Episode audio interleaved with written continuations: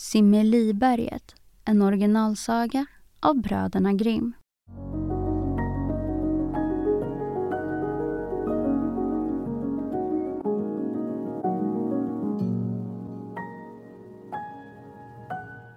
Det var två bröder, av vilken den ena var rik och den andra var fattig.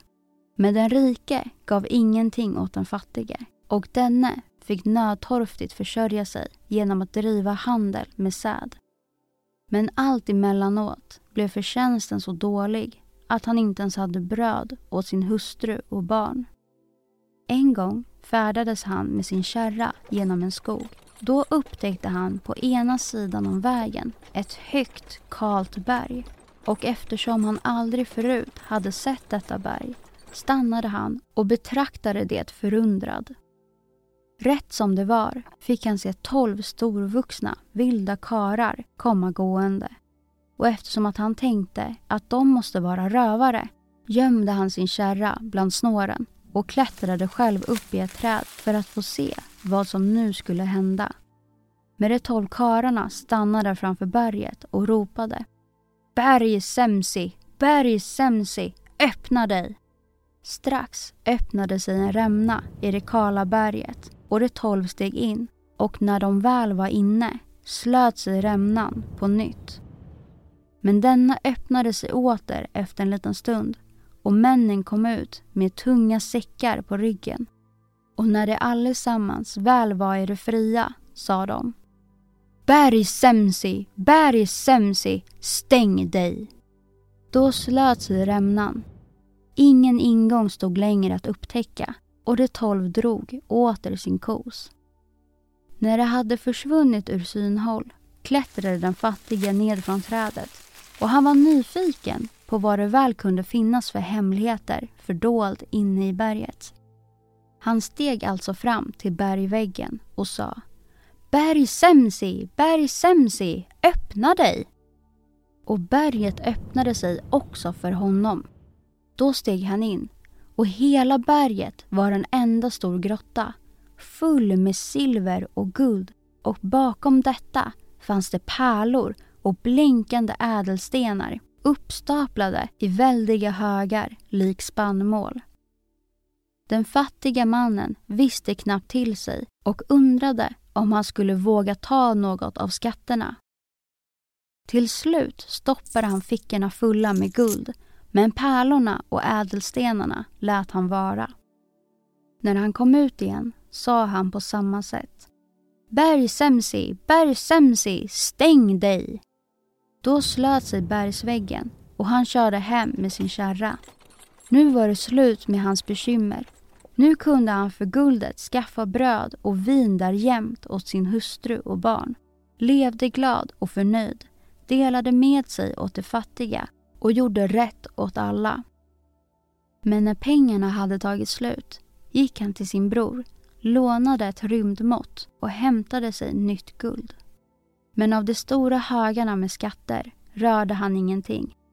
När han för tredje gången gick och hämtade guld ur berget lånade han åter rymdmåttet hos sin bror. Men den rike hade redan länge varit avundsjuk över sin brors rikedom och över det glada livet han förde. Han kunde omöjligen begripa varifrån rikedomarna kom och vad hans bror skulle göra med rymdmåttet.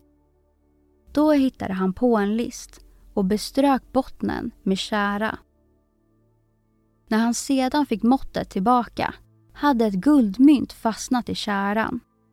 Han gick då strax till sin bror och frågade honom.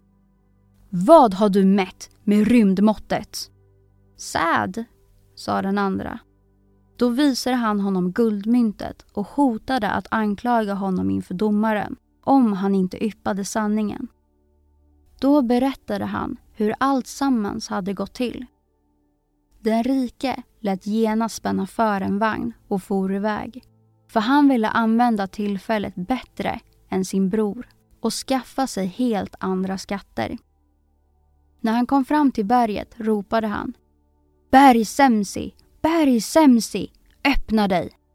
Berget öppnade sig och han steg in.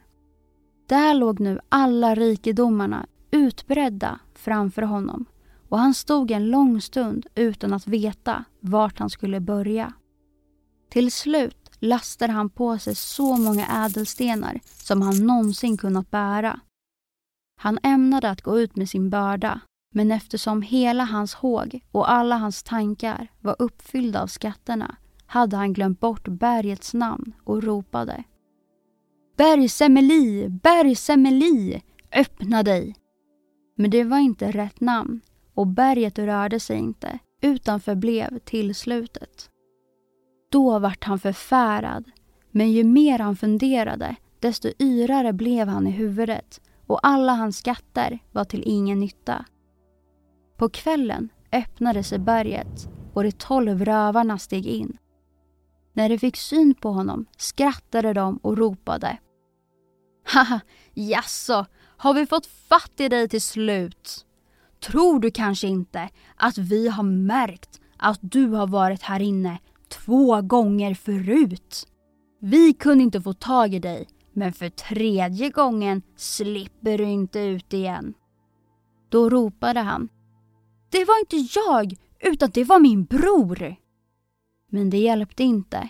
Vad han än sa och hur han än bad så högg de huvudet av honom.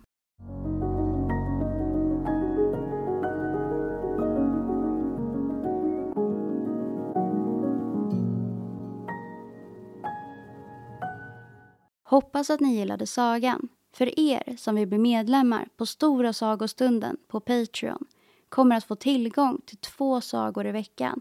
Men vi kommer även att finnas kvar på gratisplattformarna med en saga i veckan. Tack för att ni lyssnade. Ha det bra!